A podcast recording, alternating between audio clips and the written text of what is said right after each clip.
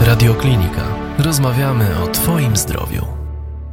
Naszym gościem jest pan docent Piotr Albrecht, pediatra, gastrolog. Witam serdecznie, panie doktorze. Witam. Chciałam spytać o dzieci, które są e, z racji, nie wiem, wad różnych wrodzonych, na przykład serca, czy które y, są mniej odporne. Jak u tych dzieci postępować właśnie w leczeniu e, infekcji, infekcji gardła? U tych dzieci tak samo jak i u innych. e, Większość infekcji to są infekcje wirusowe. Oczywiście, ale tu też się zmienia. Dawniej e, pacjent po jakikolwiek zabiegu e, na sercu z wadą serca, taką lub inną, e, była zasada, że każdą infekcję dajemy profilaktycznie antybiotyk, żeby nie doszło przypadkiem zapalenia wsierdzia.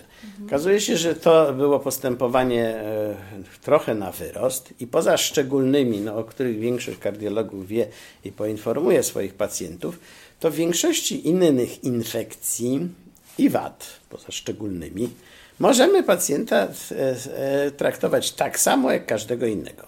To znaczy też leczenie objawowe, nie musimy od razu e, przy, przy pierwszym kichnięciu startować z antybiotykiem, żeby uchronić przed tym lub owym, bo na ogół się nie uchroni, poza tym, że wyhodujemy szczepy oporne jak przyjdzie co do czego, to tego pacjenta później już nie ma czym leczyć.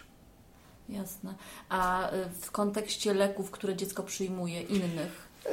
Z reguły te leki, które e, dostają dzieci, e, muszą otrzymywać dzieci z wadami serca, nie kolidują z antybiotykami, może z pojedynczymi, czasem z makrolidami, ale w większości przypadków nie ma tu żadnej kolizji czy jakiejś wyraźnej interakcji, co oczywiście zawsze warto sprawdzić. Chyba acesan tylko, prawda? Jeżeli chodzi z przeciwgorączkowymi. Tak, no, e, z określonymi przeciwgorączkowymi, czyli niesterydowymi lekami przeciwzapalnymi, czyli z ibuprofenem. To tu oczywiście trzeba być ostrożniejszym, bo jak gdyby mamy wtedy działanie dwóch takich samych leków, tak samo e, źle wpływających na przykład na przewód pokarmowy i tak dalej. To wtedy e, e, częściej powinniśmy sięgać po paracetamol, a nie ibuprofen.